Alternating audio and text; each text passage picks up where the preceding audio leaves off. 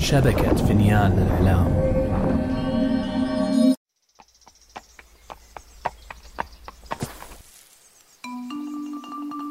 أنا سأحدثكم عن قصص جحا. لا لا تسرحت يا شلهوب. أحتاج لأن أجمع أفكاري. أنا شلهوب شلهوب حمار جحا. أتعرفون جحا؟ هو حكيم الحمقى وأحمق الحكماء. قصصه لا تخلو من الذكاء والحكمة وفي بعض الأحيان من الحماقة.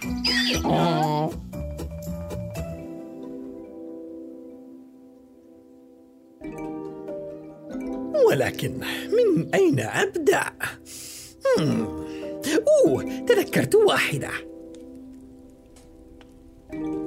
يوم تحايل الوالي على جحا فجعله يخسر تحديا قام بينهما. فما كان من جحا إلا أن فكر وخطط حتى يرد للوالي الهزيمة ويغلبه بذكائه وواسع حيلته. كانت ليلة باردة من ليالي الشتاء تلك التي دعا فيها الوالي جحا للسهر في مجلسه. ولأنني حمار مهم وذو شأن رفيع أصر جحا على اصطحابي معه. فيسر عليه القوم لرؤيتي ويستأنسون بحضور الجذاب وما سرك يا جحا؟ لا تذهب مكانا إلا وتصحب هذا الحمار معك هل تخشى أن تتوه من دونه؟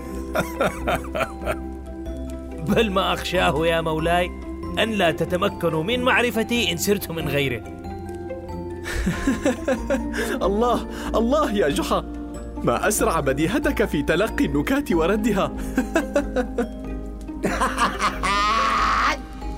أنت من أظرف الناس في المملكة بل أظرافهم على الإطلاق. كالعادة سر جحا الحاضرين بخفة ظله فازح عن قلوبهم كل هم وغم. بينما قدموا لي أشهى وأطرى أنواع البرسيم الملكي فأنا حمار مهم. هل يشعر أحدكم بالبرد مثلي يا سادة؟ أم وحدي أنا من تسللت القشعريرة إلى بدني؟ أو لعلك الوحيد يا مولاي من بلغ من العمر حدا سكنت معه القشعريرة بدنك صيفا وشتاء سامحك الله يا جحا وهل تريد أن تقنعني بأنك لا تشعر بالبرد إطلاقا؟ لعله يشعر بالبرد ولكنه يكابر. على الإطلاق. بل يمكنني حتى أن أقضي ليلة كاملة في العراء دون أن أشتكي من البرد. أوف ليلة كاملة؟ ستتجمد في أرضك. إن لم تتحول دبا قطبيا من البرد.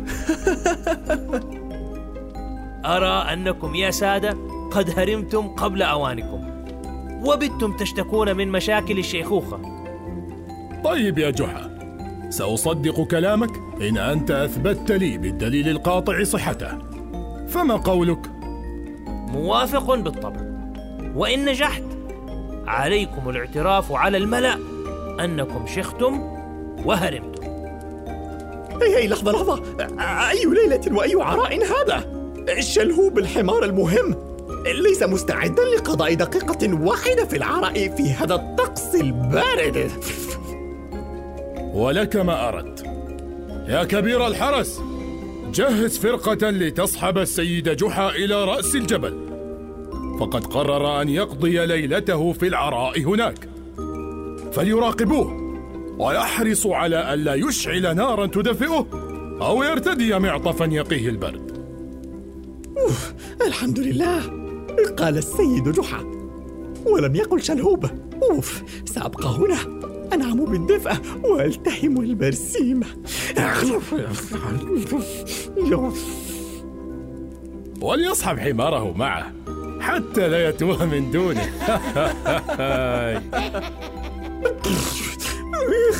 يا ويلي راحت عليك يا شلهوب.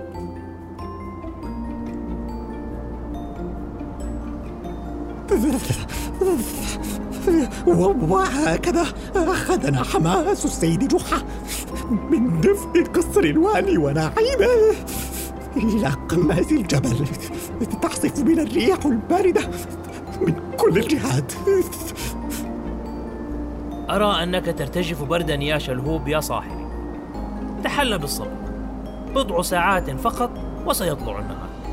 لا تقلق. قال لا أقلق قال.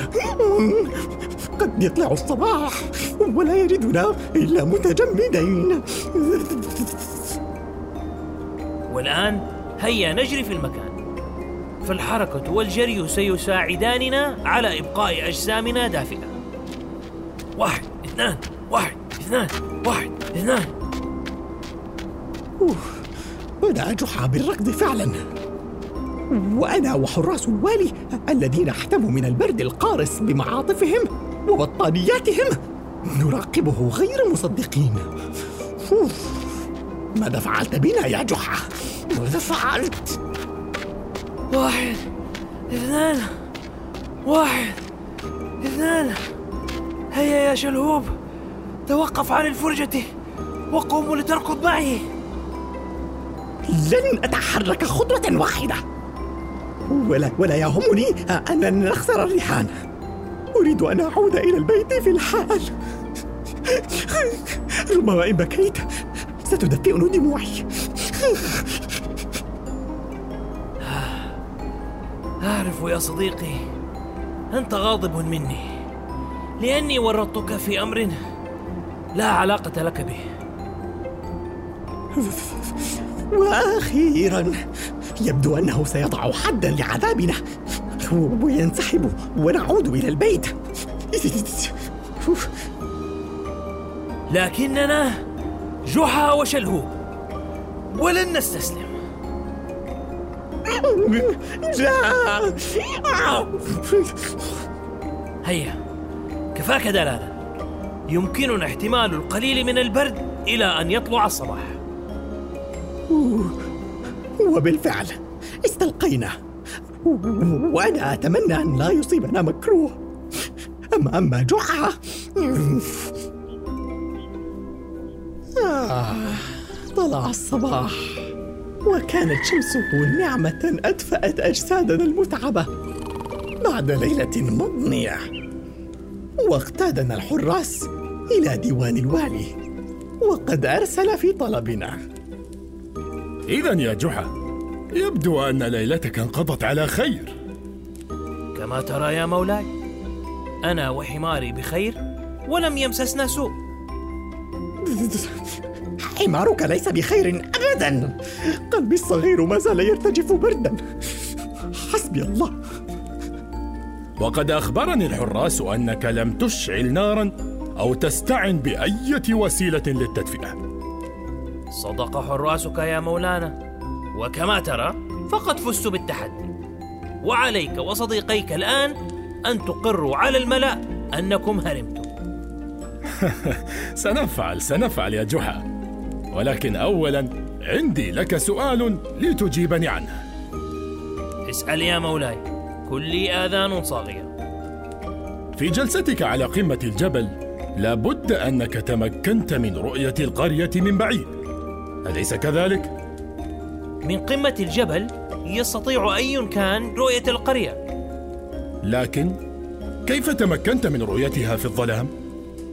بفضل نور الشموع المشتعلة في بيوت القرية. آها ها قد وقعت في فخ سؤالي وانكشف غشك يا جحا. فخ؟ غش؟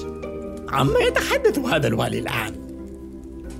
بما أن نور الشموع وصل ناظريك فلا بد إذن أن حرارتها فعلت كذلك أي أنك استعنت بوسائل تدفئة يا جحا ولم تلتزم بشرط التحدي ماذا؟ من تلك المسافة البعيدة؟ هل جن الوالي؟ وعليه فقد خسرت الرهان يا جحا وضاع كل جهدك سدى ولكن يا مولانا ما تقوله غير ما لا تطل في الكلام يا جحا هزيمتك واضحة وضوح الشمس. واعتقد أنه من الأفضل لو تعود إلى بيتكم كي ترتاح. يمكنك انت وحمارك الانصراف. أما هذا فتحايل وافتراء. بدا الغضب الشديد على جحا ولكننا انصرفنا بصمت. وكنت أكيدا أنه سيرد للوالي خديعته لا محالة. آه وكم خابت ظنوني عندما دعا جحا الوالي وصديقيه على العشاء في بيته بعد أسبوع. هل أنت متأكد أنك تريد طهي الطعام بهذه الطريقة يا جحا؟ نعم يا كريمة نعم. ولكن هذا مستحيل وغير معقول. أعرف ذلك ولكن هذا بالضبط ما أريد. طيب طيب كما تشاء. على كل حال لقد حضرت كل شيء كما طلبت. سلمت يداك يا كريم كيف يدعوهم على العشاء هكذا؟ هل يعقل أنه نسي ما فعله من الوالي؟ والله ما عهدتك هكذا يا جحا. سأذهب الآن عند الجيران. أذهب ذهب إلى بيت صديقه عبد الله أتمنى لك وقتا هنيئا تقضيه مع صاحبك. إلى اللقاء. وأنت كذلك. إلى اللقاء. وما كانت سوى دقائق قليلة. حتى حضر الوالي وصديقاه لحضور العشاء. كنت غاضبا جدا لدرجة أني كنت قادرا على رفس كل منهم إلى بيته. شكرا على حضوركم يا سادة. شرفتنا بحضورك يا والينا. وكيف نرفض دعوتك يا جحا؟ يا أظرف الظرفاء. من دواعي سرورنا يا جحا وها قد جئناك ببطون خاوية جاهزين لتناول العشاء. بالتأكيد الطعام على النار. وما إن ينضج فسوف نتناول عشاءنا وتملؤون بطونكم. فتفضلوا بالجلوس نتسامر حتى ذلك الحين. وهكذا جلس الجميع ومضت ساعة وجحا يقص عليهم نوادره وهم يضحكون. آه لو كنت مكانه لأبكيتهم. يا جحا قصصك أعجب من الخيال. نرجو أن يكون الطعام بجودة قصصك فأنا أشعر بالجوع الشديد. قليلا من الوقت بعد ويكون جاهزا. قليلا من الوقت. لقد مضى على حضورنا ساعة يا جحا. أدري أدري يا مولاي. ولكن عليك أن تعذرني. فالذنب ليس ذنبي وإنما ذنب النار. ذنب النار؟ ماذا يعني هذا؟ لا بد أنها نكتة جديدة من نكات جحا. ولكنها غير مضحكة فأنا أشعر بالجوع الشديد بالفعل. كما أخبرتك يا مولاي لو كان الأمر بيدي لقدمت الطعام على الفور. لكن الذنب ذنب النار لم يبدو أن الوالي يستسيغ كلام جحا على الإطلاق وبدأ عليه الضيق الشديد. كلامك لا معنى له وسأقوم إلى المطبخ لأرى ما الخطب بنفسي. ونهض الوالي غاضبا نحو المطبخ يتبعه صديقاه وجحا. وهناك كان في انتظارهم مشهد غير معقول جعلني أنفجر ضحكا ما هذا يا جحا؟ هل هذه دعابة من دعاباتك المجنونة؟ ما الخطب يا مولاي؟ كان كل قدر من قدور الطبخ معلقا فوق شمعة واحدة كي يطهى الطعام على لهيبها هل تظن أن الطعام سينضج وأنت تطهوه بهذا الشكل على لهيب الشموع؟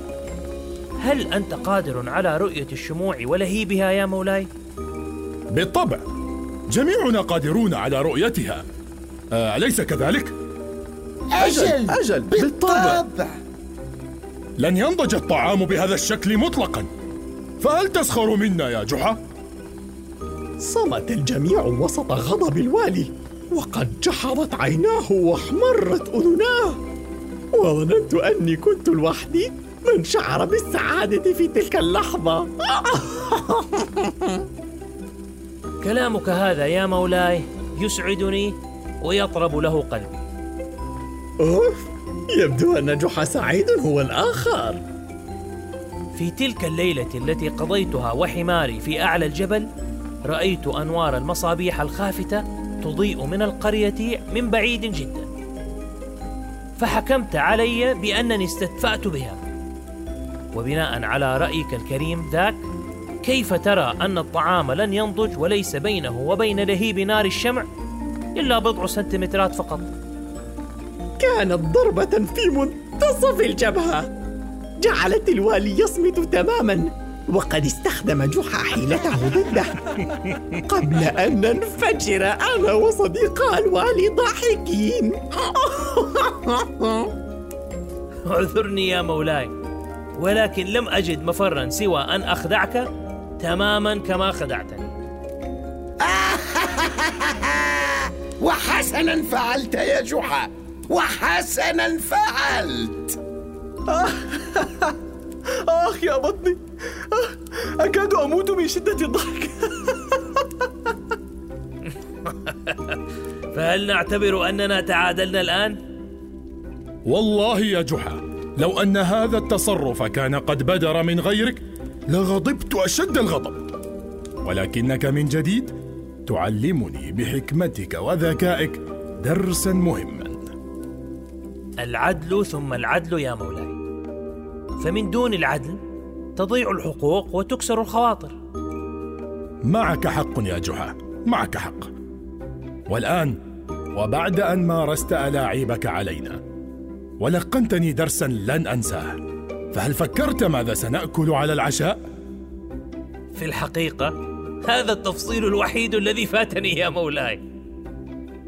ولأن قصتنا عن العدل فلم يهن على جحا أبو العدالة ذو القلب الكبير تركهم جائعين وقام بإطعامهم. أما أنا فقلبي صغير متجمد. رفضت إطعام خيولهم التي كانت تنتظر خارج البيت في البرد القارس. أحسن